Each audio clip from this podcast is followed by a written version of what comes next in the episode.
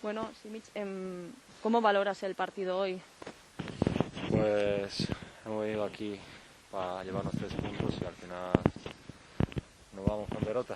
Yo creo que hemos hecho un partido, hemos hecho bastante para ganarle, pero al final hemos tenido ocasiones y ocasiones y ellos con muy poco nos ha hecho mucho daño. No sé, yo creo que hemos generado bastante para sacar un punto y igual tres, pero al final nos vamos con la, con la derrota.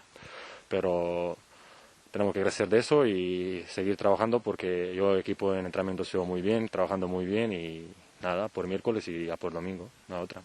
El, el Olota ha hecho bastante daño por, por bandas y al final por algún error defensivo han llegado los goles, pero como decías, creo que han tenido tres ocasiones, cuatro en total, pero es donde han llegado los goles. No sé, en defensa, ¿cómo os encontráis? Porque Mister hablaba también de que hay algún desajuste.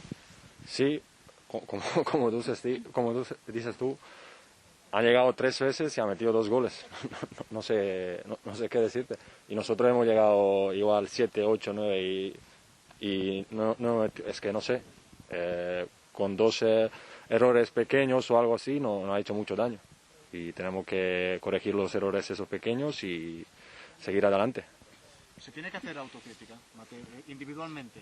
Cada, jugador en su casa tiene que hacer una reflexión para que esto mejore de inmediato. No, no, todo como equipo y cada uno. Cada uno tenemos que hacer autocrítica, tenemos que mejorar cada uno, cada uno mejorar y eso, vamos a sacar nosotros solos y lo vamos a sacar.